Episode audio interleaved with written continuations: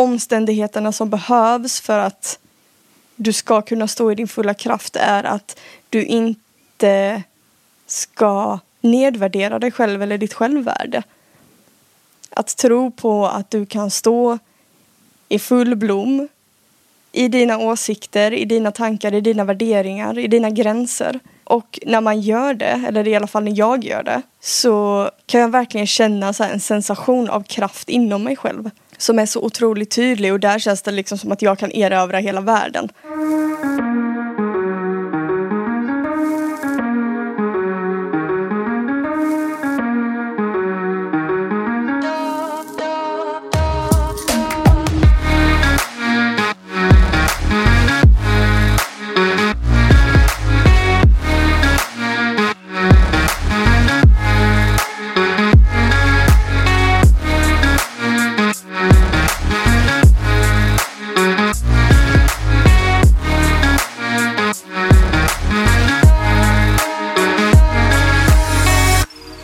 Tydligt att jag har varit i Småland för jag upplever att min dialekt har ändrats lite.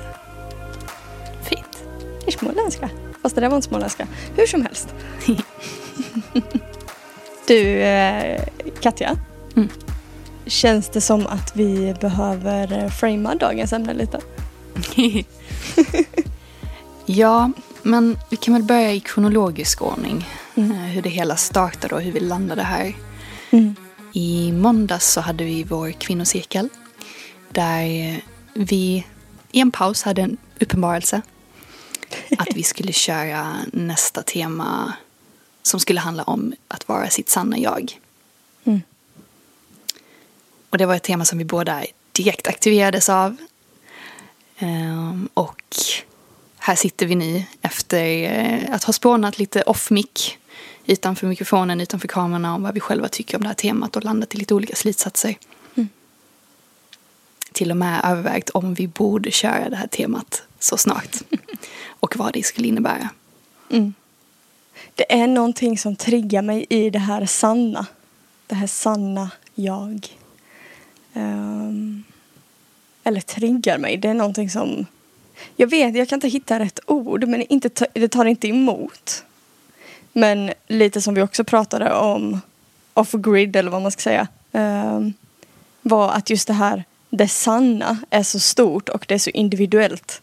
Och också att ja, men mitt perspektiv på jaget är så himla rörligt.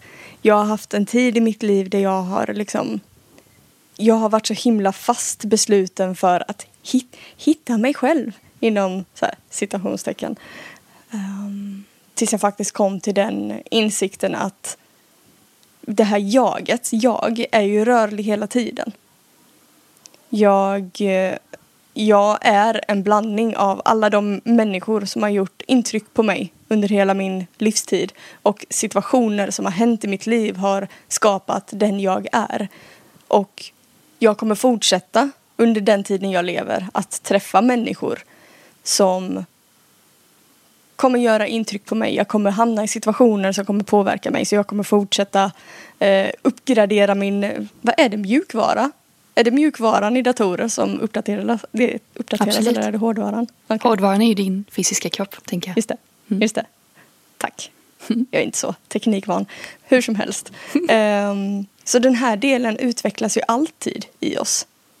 Vilken väg vi än väljer att gå. Så för mig har det varit ganska skönt att få fast den här eh, insikten att mitt jag är alltid rörligt och jag behöver inte vara på ett visst sätt. Men förutsättningen för att kunna vara i det här rörliga, att tillåta mig själv att utvecklas. Det handlar om att jag ska lägga ifrån mig maskerna och försöka vara mitt autentiska jag. Att vara ärlig mot mig själv och vara ärlig mot andra. Så att jag kan vara den jag är i alla situationer. Eh, jag vet att Alexander Bard sa det, att han försöker att vara den han är just då i alla situationer. Att han anpassar sig inte ut efter vilken grupp han är med eller vilka personer han träffar eller vilka situationer han är i.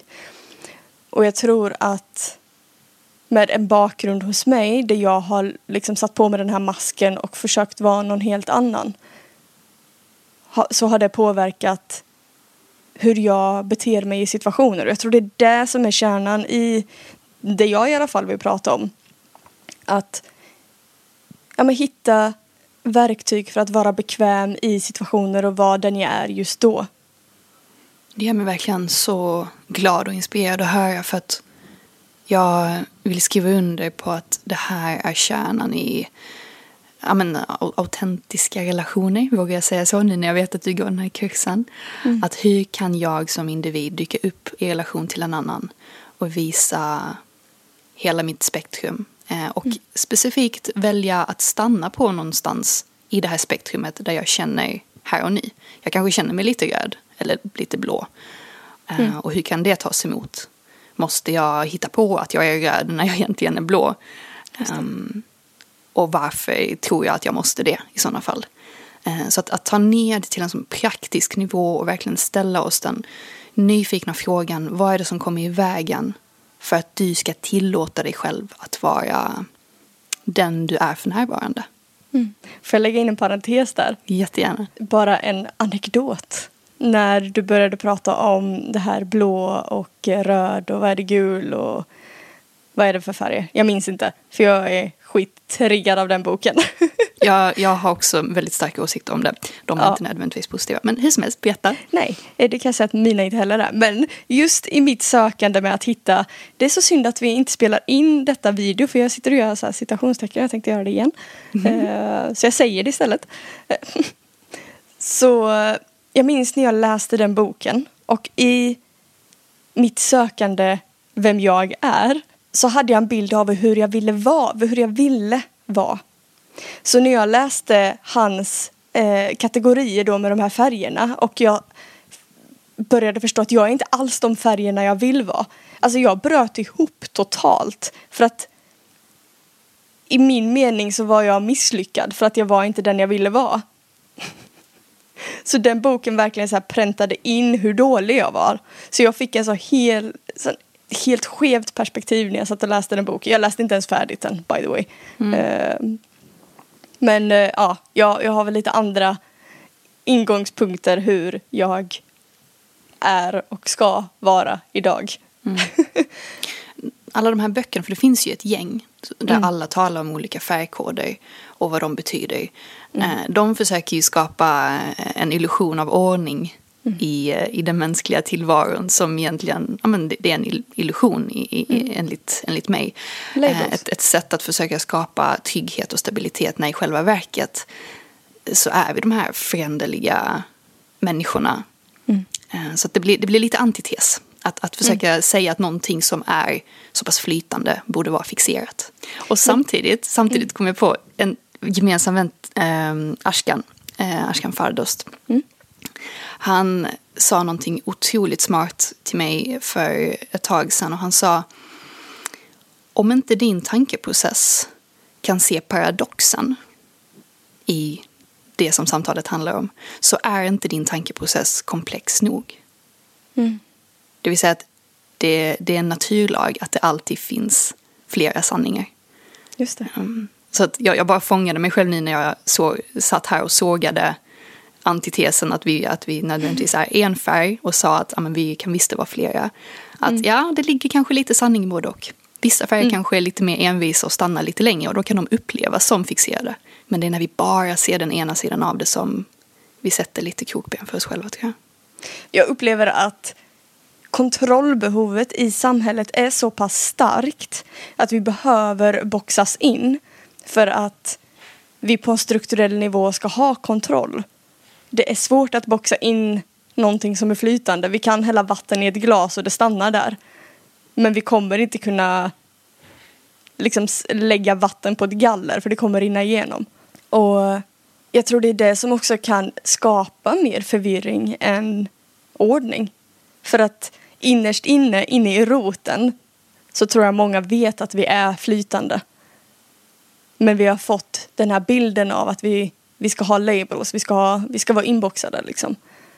Um, jag vet inte, det var bara en tanke som kom till mig nu när, mm. när vi pratade om detta. Mm. Um. Och jag tänker på det du inled, inledde med. Att uh, det kommer komma in influenser livet ut. Och då, då ser jag nästan som en, som en bild framför mig hur eh, influenserna kommer in, det känns nytt, det känns färskt och vi, vi går in i ett eldtillstånd. Eld har ju den här transformerande kvaliteten och helt plötsligt uppstår det kaos inom oss för att vi börjar ifrågasätta och eh, ändra om och möblera om och så vidare och så vidare. Och sen så kommer det någon, någon punkt där det här börjar integreras. Det vill säga att det börjar hårdna lite, det börjar komma ner i vatten-jord-elementet mm. eh, innan så att säga, diamanten slits innan den kan öppnas igen och kaos kan få lov att träda in. Mm. Um, det var bara någonting som jag såg framför mig nu när du sa att relationerna och vi utvecklas med dem livet mm. ut. Upplever du att du kan träda fram i din fulla kraft i alla situationer? Upplever jag att jag kan träda fram i min fulla kraft i, jag skulle säga majoriteten av situationerna. Mm. Mycket tack vare min bakgrund i yogan.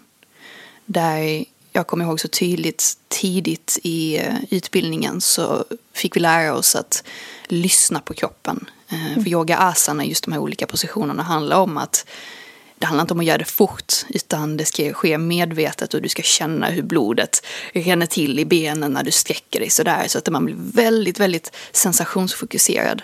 Och i takt med den här fysiska träningen så blev vi uppmuntrade till att tänka in så här, men nästa gång du hamnar i en konversation eller i en situation där mm. din kropp börjar um, gå in i vad heter det, kontrakt, att, att, att det börjar spännas, att det börjar mm. vändas inåt. Notera när det händer och notera också det motsatta, att när du hamnar i situationer, konversationer, relationer där ditt, din fysiska kropp mm. börjar öppna upp sig som en blomma eh, som en blomma som vänder sig mot ljuset, eh, om jag ska prata i de termerna. Mm. Notera då, eh, först och främst notera det. Och ehm, i andra hand, se om du resonerar med att det här är ledtrådar med vad som är meningen i ditt liv. Mm. det är en sån här stor, ett stort kliv framåt men det fastnade verkligen med mig att försätta mig så ofta jag bara kan i situationer som är expanderande. För att när jag kan kliva in i situationen som är expanderade, då kan jag också per automatik, det blir så enkelt att kliva fram med min kraft. Mm. Så att som svar på frågan, ja, det är allt enklare. Men också, hade jag inte haft den här lärdomen så hade det nog varit svårare. Mm. Just det. Hur tänker du? Är det, vilka situationer tycker du att det är lätt att kliva in i din fulla kraft? Det har så mycket med människorna att göra. Som jag ska möta i så fall. Uh, för jag, jag vill bara lägga till här att jag tycker det är så intressant att sitta och prata. Ja, men dels tidigare poddavsnitt men även nu i detta för att det känns som att du och jag är lika på många sätt men samtidigt också varandras motpoler. För att jag tränade jättemycket på att träda, eller gå in i ett rum och vara hela mig själv. Jag tror det är sista året som jag har kunnat verkligen gå in i den eh, rollen. Att släppa fram hela mig själv, vara ärlig och ja, men autentisk som vi pratade om i början. Nu får jag be dig ställa frågan igen. Vilka situationer som du har hamnat i på senaste tid har du känt att du verkligen har enkelt för att vara um, hela kraftfulla dig? Just det. Som sagt, beroende på vilka jag möter och vilket rum jag går in i.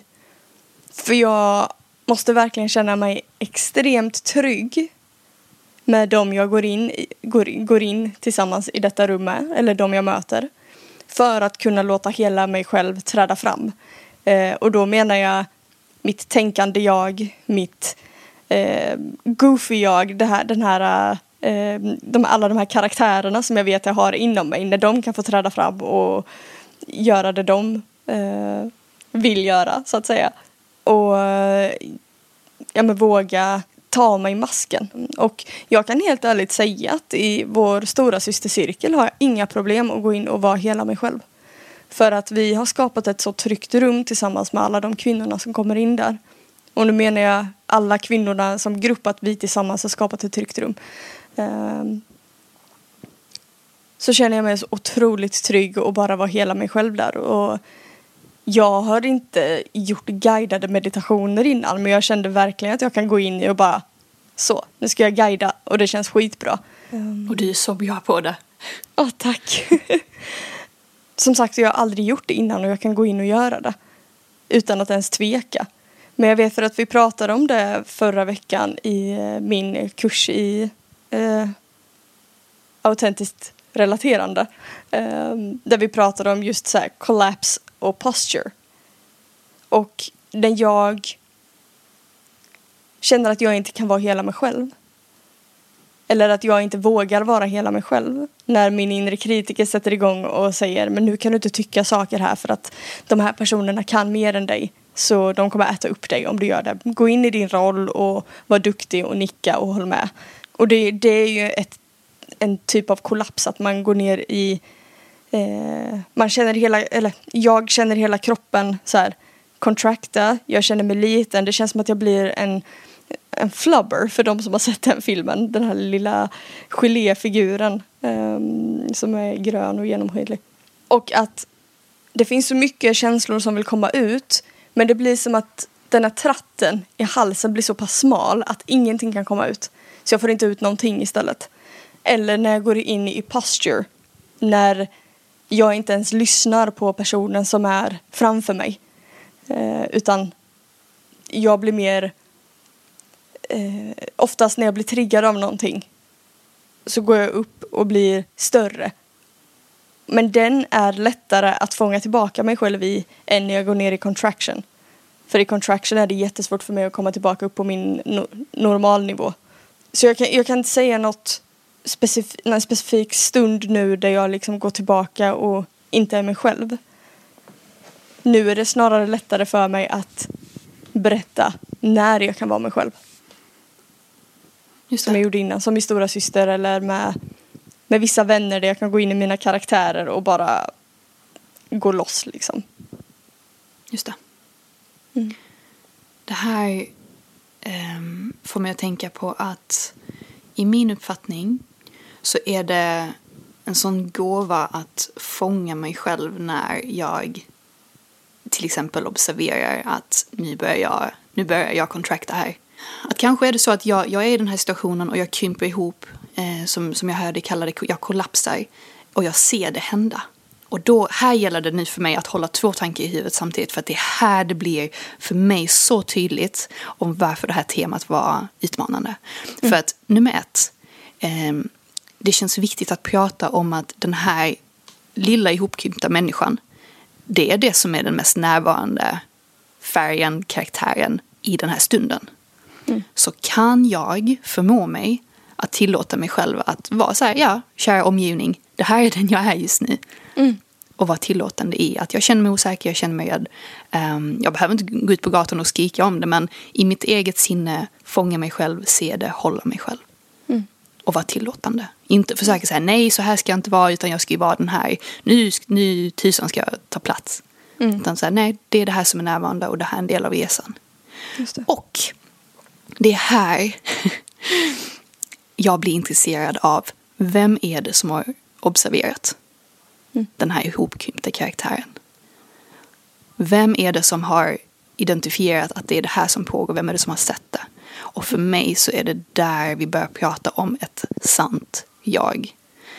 Jag är av uppfattningen att det sanna jaget, det är det som mina lärare kallar the ocean floor. Eller the backdrop. Det är detta stora väsen som, är, som varken dömer eh, eller tycker någonting. Mm. Det bara ser, det bara observerar. Och det är här det blir så himla svårt att försöka ta ner det till, inte ta ner det, men ta det till en plats där vi kan ha en cirkel om det. Mm. För att det blir en sån hög eh, abstraktionsgrad. Eh, och det blir en svår introduktion, upplever jag själv, att göra för andra. Um, för jag är själv i den här utforskande fasen. Och jag är så rädd, jag är så fruktansvärt rädd att det här ska landa fel eller att det ska misstolkas. Jag tar på mig väldigt mycket ansvar. Um, mm. Så därför så vill jag göra den skildringen att så här, hur kan jag tillåta mig själv att vara både liten och stor och allt mitt emellan. Och separera det från frågan, vem är mitt sanna jag? För att svaret på den frågan i min värld är jag är bakgrunden. Jag är också karaktärerna.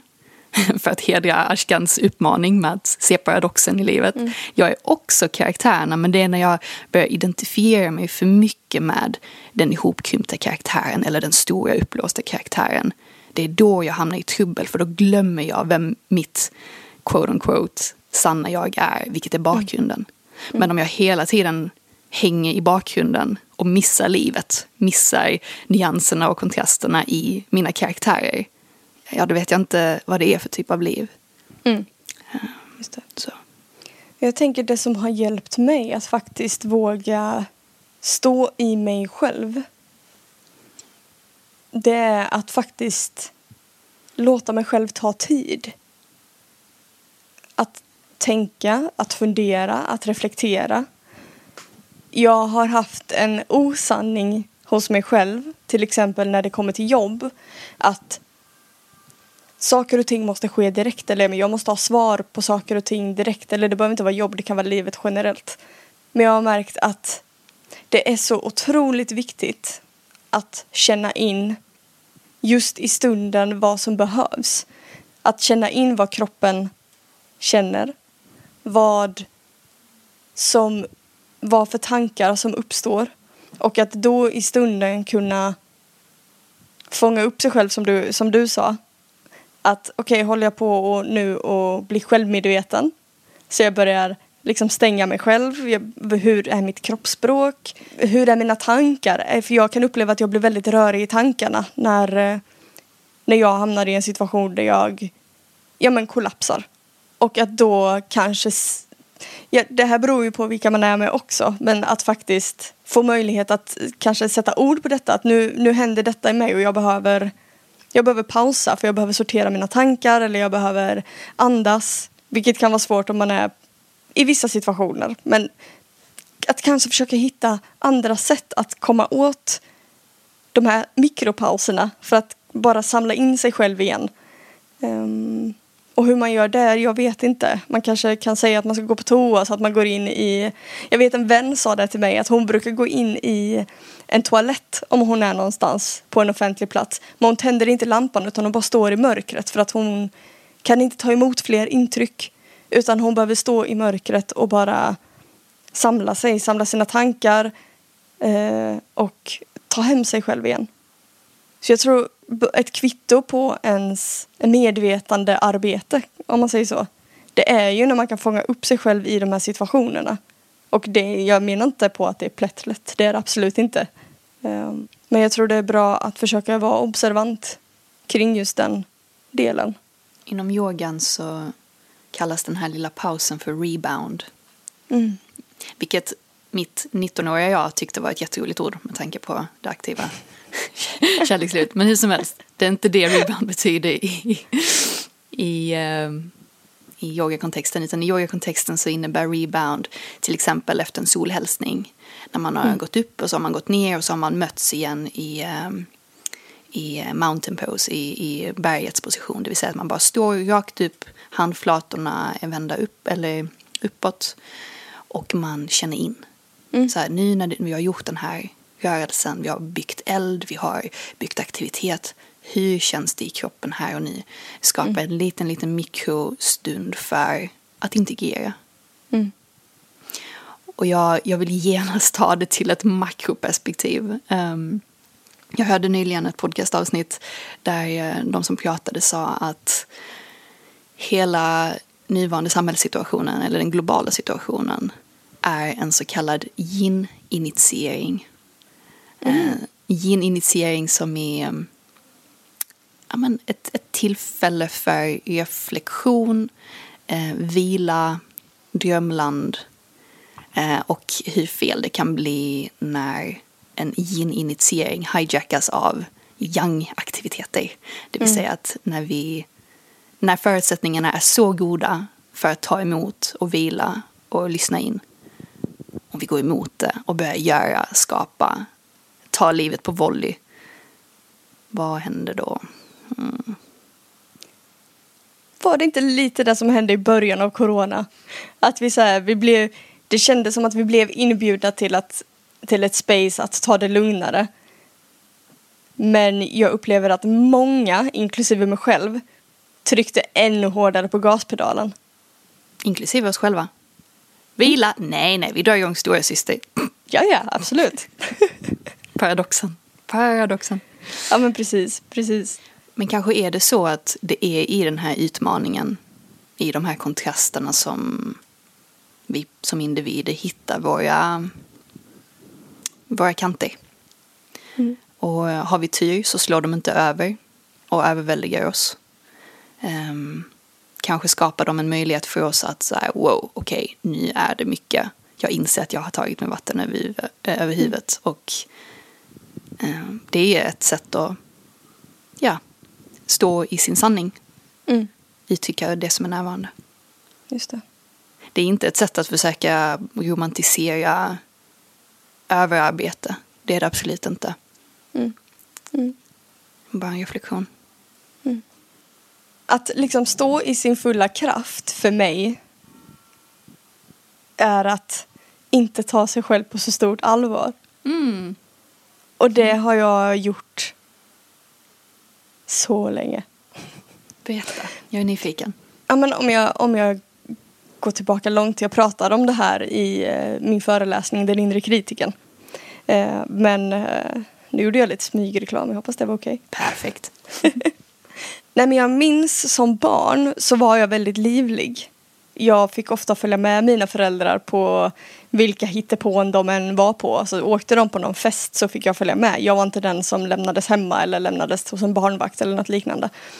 Och jag var ju ofta med och dansade på borden och eh, ja, men jag tog min plats. Jag, tog, jag stod liksom och sjöng och dansade och var jättesocial och minglade som fasen. Eh, komiskt att idag jag inte gillar liksom att mingla jättemycket. Men men. Nej, men så minns jag specifikt en gång. Jag tror vi var på en födelsedagsfest. Jag kan ha varit fyra, fem, fem kanske. Och jag återigen ställde mig på ett bord och sjöng ut för full hals. Eh, sen så reagerade jag på att folk började skratta. Mm. Och jag tolkade rakt igenom som att de skrattar åt mig. Och jag tror redan där så började jag bygga upp en eh, typ av skyddsmur att okej, okay, här blir jag skrattad åt, jag är förlöjligad. Um, och redan där så började jag så här bygga på den här masken att okej, okay, jag gillade inte känslan av att bli skrattad åt. Jag vill inte att någon ska tycka att jag gör fel eller att jag är konstig. Så egentligen sen dess så har inte jag vågat steppa ut utan jag har varit i min pryda, duktiga flickaroll fram till ja, men gymnasiet där jag hittade en vän där jag ja, men hon är lika dum i huvudet som jag. Jag för mig jag pratade om det här i något annat avsnitt. Eh, där jag kunde bara släppa fram hela mig själv. Både, eller hon var dansare så vi dansade ihop. Eh, och där kunde ju vi bara fuldansa vilket var så himla frigörande. Och att få gå in i sina karaktärer, klä ut sig och bara göra sig dum. Att få gå in i den rollen att inte ta sig själv på så stort allvar. Och att vissa stunder kanske man behöver vara, vad ska man säga, professionell. Men att ändå tillåta sig själv att vara det som är levande i sig själv, vilket jag tränar så otroligt mycket på nu. Att bara ställa mig på ett trädäck tillsammans med mina andra vänner och dansa, det var inte liksom aktuellt för mig innan. Men nu kan jag göra det utan problem och gå in i mig själv och skita fullständigt i vad de runt omkring mig tycker och tänker. Och det finns vissa hjälpmedel jag har använt mig av där men eh, att bli liksom vän med mig själv, jag tror det är där det börjar. Jag tror det är liksom bakgrunden till varför jag har byggt upp ett eget skal. Det, är så här, det ligger ju i rädslan av att okej, okay, jag kommer bli utesluten ur gruppen om någon tycker att jag är konstig. Och jag tror det har med fack att göra igen, som vi pratade om i början. Tills idag när jag är så här, jag vill inte vara insatt i något fack. Jag har två funderingar. Mm. Eh, den första funderingen, det låter ju för mig som att det var en, en väldigt, väldigt tydlig brytpunkt. Just när jag hörde berätta om eh, de här personerna som du upplevde skrattade och vad det hade för inverkan.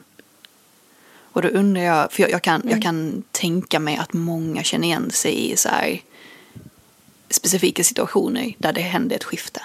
Och då undrar jag, vad hade du, vad hade lilla du i den stunden behövt för bemötande? För att inte göra det till en liksom än så länge lång sanning som hänger med. Vad hade du behövt för att det inte skulle ha uppstått tror du? Och det är så svårt att säga i och med att jag var så liten. Jag vet ju hur jag hade gått fram och pratat med det här lilla barnet som ja. blev jätteledsen. Uh, ja. det, det är så tydligt för mig. Um, men du vet så här, ja men börja prata om att nej men de hade ju också kul. De skrattade inte åt dig. De älskade ju att du tog din plats. Så det kanske, sen vet jag inte hur mottaglig jag är just i stunden när det hände. Utan att kanske låta det landa och sen ta det när det har integrerat. Um, så kanske något samtal efter det, vilket jag kanske hade. Mamma kanske pratade med mig, jag minns inte, jag var så pass liten. Och att det här blir så starkt för mig kanske också är en efterkonstruktion. Jag vet inte. Återigen, jag var så pass liten. Uh, men den har satt sig hårt och jag tror det har byggts på under hela min uppväxt också. Mm. Mm. Det blir så intressant där. Jag, jag, tänker på min, min lärare Tina som, som en gång beskrev för oss hur hon arbetar med sitt inre barn, vilket jag också har anammat. Och det är att när, när jag hamnar i situationer som påminner mig om någonting som hände för länge sedan det är precis då jag låter mitt vuxna jag, det vill säga inte min, inte min mamma-arketyp eller pappa-arketyp, utan min egen vuxna person kliva in och ta hand om mitt egna lilla barn. Mm. Och, och, jag tycker det är så inspirerande att höra att du redan har svaret på vad du skulle gjort. Eh, och liksom hur det hela skulle spelats ut, hela scenariot. Mm. Eh, för jag tycker att det är ett sånt otroligt använd, eh, använd, användbart verktyg i det praktiska livet.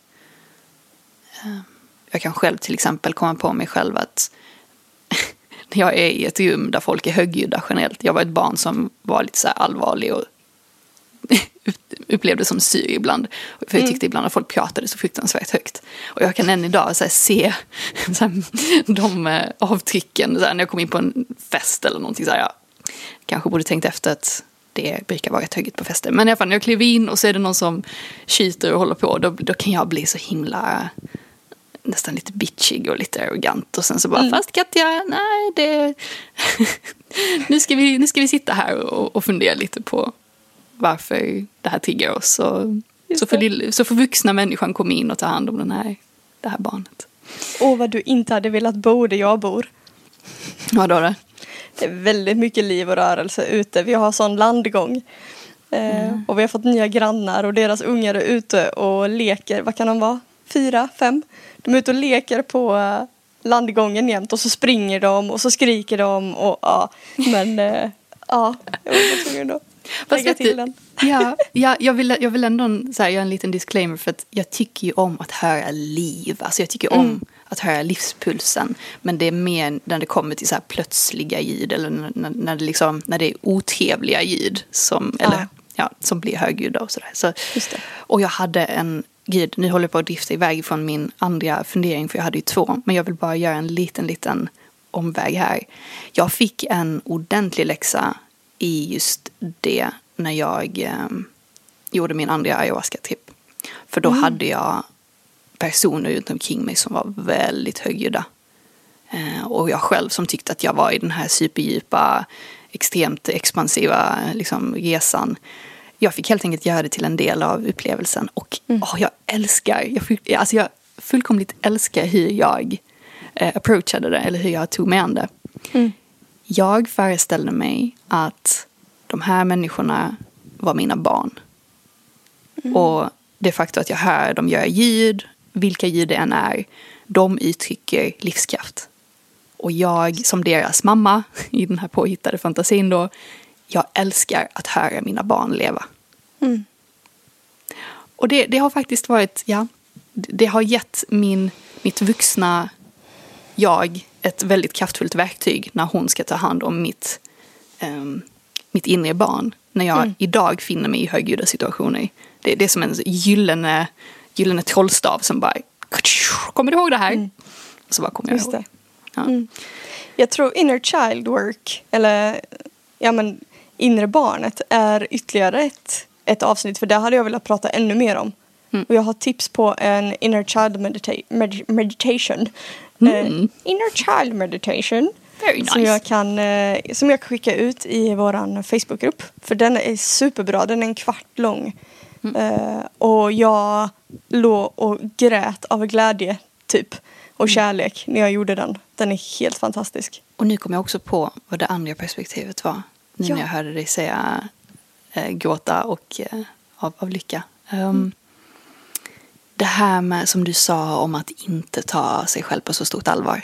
Mm. Så viktigt. Uh, och det fick mig att tänka på min, min vän Simon. Som nyligen, och han, han är väldigt mycket inne i de här tankarna också som vi har pratat om idag. Um, och han tyckte själv att han var lite för uh, linjär och fokuserad i sin själs evolution. Så han började på improvisationsteater. Åh, nej, okej. Okay. Och jag ska bara säga någonting kort om det för jag vill väldigt gärna höra vad som dök upp för dig nu. men hans, hans reflektion var att, ja men på tal om att ibland så behöver man vara professionell. Och antingen så kan jag gå in i den här rollen och tycka att det är svinjobbigt för att jag vill i själva verket vara den här larviga, eh, roliga personen. Mm. Men så här, vad händer om jag gör även, även den här professionella typen till en lek? Mm. Alltså, det, det, behöver inte min omgivning veta, men bara så här för att underlätta skiftandet mellan karaktärer i mig själv så ser jag det som en... Men jag ser, det så, jag ser, det, ser på det lekfullt. Mm. Med risk såklart för att det kanske slår över om man framstår som en teaterapa, men så här, gör det roligt, det är en attitydfråga. Exakt. Um, kanske, jag vet inte. Exakt. Vad tänkte du? Nej, för det var så kul att du sa det med improvisationsteater för jag skulle gå en eh, kurs i improvisationsteater nu under våren. Men uh, well, shit happened och uh, allt blev ju typ inställt. så att uh, det, det är någonting som jag verkligen vill vill göra. Och nu, okay, nu blir jag lite självmedveten. jag, vill, jag vill dela en sak på tal om att vara såhär, ja. Att våga gå in i karaktär. Mm. Oh, wow. För jag tänkte på det igår, om någon hör mig nu, de måste ju tro att jag behöver hjälp. Men jag satt och det finns en så himla rolig serie, ett seriekonto på Instagram. De hittar videos på djur som gör roliga saker och så gör de så här de sätter kontext kring vad som händer i videon så de gör en seriestripp om det. Och den är skitrolig. Och sen så är det så konversationer mellan två djur oftast. Och jag märkte att jag satt och läste dem högt på engelska och gick in i de olika karaktärerna. Och jag tyckte det var så jävla kul. Jag satt nog i en timme och gjorde det här. Egentligen skulle jag gjort annat, mer produktiva saker. Men äh, jag hade så himla kul och sen tänkte jag så här, tänk om Melvin kommer hem nu. Vad tänker han då? Visst, han känner ju mig. Han vet hur dum i huvudet jag är. Men det var så himla kul att bara så här få gå in i olika karaktärer och glömma bort sig själv ett tag. Mm. Glömma bort sig själv. Ja, nej. Bjuda in sina andra karaktärer. Inte glömma bort sig själv utan bjuda in alla karaktärer som finns inom mig. Mm. Och jag och eh, min vän Victoria Palm. Vi, när vi hänger så går vi jag tror vi går alltid in i karaktärer vi så här, börjar skämta runt kring olika karaktärer som kommer upp i oss just då. Och så kan vi bara börja flowa kring vad som kommer till oss i stunden. På tal om att vara i nuet, att vara autentisk och inte ta sig själv på så stort allvar. Det är så himla kul att göra det. Och vara bekväm i att göra det tillsammans med andra. Ja, det kan jag verkligen känna igen i mina nära relationer också. Mm. Att det är så, kanske är det just, kanske är det enklare att göra i nära relationer just för att där finns det en annan tillåtelse. Det vill säga inte nog med att den andra tillåter att mm. vi är på ett visst sätt, men, och, eller ja, och det gör det enklare för oss att tillåta oss själva eh, vara den här karaktären. I andra kontexter där det kanske inte handlar om nära relationer, då tänker jag att då får jag leva med att jag kanske inte kan livnära mig på att någon annan ger mig den tillåtelsen, utan jag får ge den tillåtelsen till mig själv. Mm. Exakt. Exakt. Fort- Fortfarande samma sak, bara att det är lite enklare kanske i den här relationen. Mm. Precis. Och jag älskar hur du jättar dig själv när du säger så här, glömma bort mig själv. För, för mig så kommer det tillbaka till dagens tema, vilket är mitt sanna jag. Och om jag får lov att bara spinna vidare på det här med min idé om den stora betraktaren eller det stora bakgrundet som är i sin essens jag. Det stora jaget. och, och att höra dig då säga att amen, jag glömmer bort eh, mig själv ett tag för att jag, går- jag går till andra sidan av spektrumet. Det vill säga att jag jag leker ju inte med karaktärerna istället för att bry mig om den här stora episka bakgrunden ett litet tag. Det. Och att det blir som en sån skön lekpaus. Ja, men precis. Jag vet, för jag, jag pluggade eh, pedagogiskt drama också nu under våren, men den blev också inställd på grund av eh, välkända omständigheter. Eh, så eh, pratade vi om just det här med att vuxna ofta glömmer bort att leka.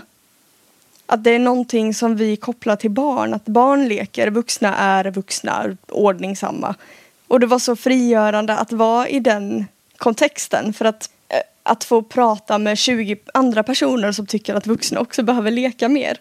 Jag tror många hade mått bra av att faktiskt få ja, men släppa loss på det som behöver släppas loss. Det är ju inte alla som gillar eh, ja, men, eh, att gå in i teater eller att dansa eller att sjunga för full hals. Men att faktiskt våga gå in i deras pauser. Och att våga göra det med andra. Och att våga tillåta att ja, men alla grupper kanske inte accepterar eller så här, kanske inte gillar dina pauser eller vad man ska säga inom citationstecken igen. Men att det är okej. För att det här är någonting som ger dig energi. Återigen, det som laddar upp dig måste ju du få göra. Mm. Jag kan bara föreställa mig vad det gör för inlärningen också. Ja, Det absolut. finns ju en del studier som pekar på att varför barn lär sig så himla snabbt och eh, effektivt är just för att de leker. De leker sig fram till eh, det de håller på att lära sig. Och att det blir en sån avtrubbad förmåga ju äldre vi blir. Och det, är ju, det kan ju anses vara problematiskt med tanke på att vuxna människor förväntas, för, eller så här, med risk för att låta hård nu, men, ehm, men det finns en förväntan på att förnya sig själv, eh, kliva in kanske i ett nytt yrkesspår eller lära sig den här nya färdigheten, eh, kanske bli förälder, att helt plötsligt behöva rusta på sig en massa nya förmågor. Ehm, Och då glömma bort att det är genom lek som det blir enklast att lära sig. Mm. Ja men det är ju viktigt att koppla knopp och kropp. det finns ju till och med vetenskapligt bevisat att det är det som gör att vi lär oss lättare.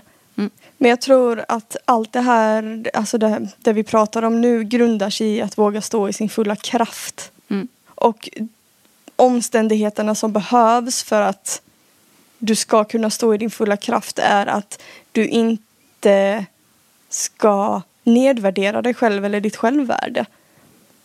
Att tro på att du kan stå i full blom i dina åsikter, i dina tankar, i dina värderingar, i dina gränser. Och när man gör det, eller i alla fall när jag gör det, så kan jag verkligen känna så här en sensation av kraft inom mig själv. Som är så otroligt tydlig och där känns det liksom som att jag kan erövra hela världen. Men att jag tror vi måste börja där. Jag tror du och jag pratade om det förra veckan. Att så här, självkänsla och självvärde. Det måste vara grunden för att kunna nå vår kraftfulla position. Och där behöver vi börja med att våga vara sårbara. Mm. Jag tror att det är många rörliga bitar som måste samspela. Jag tror självkänsla och um, sårbarhet är två viktiga aktörer. Mm. Och jag undrar om det här med tillåtande är ännu mer basalt. Alltså att det, att det att bara tillåta sig själv att känna alla känslor och för att så att säga flytta den blockaden för att sen kunna kliva in i sin kraft. Mm. Um, jag tror självkänsla och sårbarhet, jag vet inte om de kommer kanske efter att det har skett eller om de sker innan. Jag, men, men för mig så handlar det mycket om att först och främst ens inse att jag har själv förmågan att tillåta mig själv att göra någonting eller att vara någonting. Och det får mig också tänka att kanske är det så att vår nästa cirkel bör handla just om hur personer kan skapa förutsättningar för sig själva Mm. att kliva in i sin fulla kraft. Ja. Att vi lämnar idén om vem det här abstrakta, sanna jaget är för en liten stund. Och, och för, en, för en stund pratar om vilka förutsättningar som krävs för att vi som individer ska kunna kliva in i full kraft. Exakt. Och upptäcka hur olika det kan vara. Ah, ja. Och det är ju det som är det fina. Hur många är vi i Sverige till exempel? Vi är typ 10 miljoner. Mm. Alltså vi har 10 miljoner olika individer, olika karaktärer, olika sanningar. Och det är det jag tycker är så häftigt. Det behöver inte vara så himla ristat i sten hur saker och ting ska vara. Och det är det jag älskar, alltså jag totalt älskar Borderland till exempel. Att man kan gå dit och där får man liksom testa sig fram och vara de här olika karaktärerna för ingen kommer döma ut dig för att alla är där och gör samma sak. Att släppa loss på kontrollen och bara låta sig vara den som faller in under just den dagen på den veckan. Jag lärde mig väldigt mycket av att vara där förra året. Att så här, våga gå in i och vara den jag ville vara just då. Då får vi se hur vi kan göra den upplevelsen kompakt för våra deltagare. Eller ja, hur vi kan sätta de ramarna så att de själva kan dansa i det. Mm. Jag tror det var ett naturligt avslut där. Mm, jag tror det också. Det är stort ämnet. Och jag tror det fina på måndag på den cirkeln att bjuda in till att provprata hur vi kan bjuda in oss till att vara hela oss själva. Och hur vi kan hjälpa andra att också vara det. Mm, exakt. Men jag undrar om det kanske ökar komplexitetsgraden med vad vi försöker upp, uppnå lite för mycket. Men jag, vill, jag vill tro att det går. Det är klart det går. Men jag tänker att vi, vi har ju vår nästa cirkel nu på måndag. Den första juni klockan 20.00. Och vi kommer ju bubbla kring det här som vi har pratat om i avsnittet. Eh, och hur det formar sig har vi inte riktigt bestämt än men det, det, det har vi nog gjort till på måndag. Får vi hoppas. Annars blir det flow. Eh, du som lyssnar, om du vill diskutera och dela perspektiv och tankar kring avsnittet som vi har pratat om nu. Om ni vill fylla på i våra tankar så är du jättevälkommen till vår eh, Facebookgrupp som heter Stora Syster Samtalscirkel. Och eh, du som är eh, flicka, tjej, kvinna, identifierar dig som kvinna är jättevälkommen in i gruppen och diskutera detta. Så att eh, hoppa in där så kan vi vidga våra perspektiv tillsammans. Tack för dig. Tack.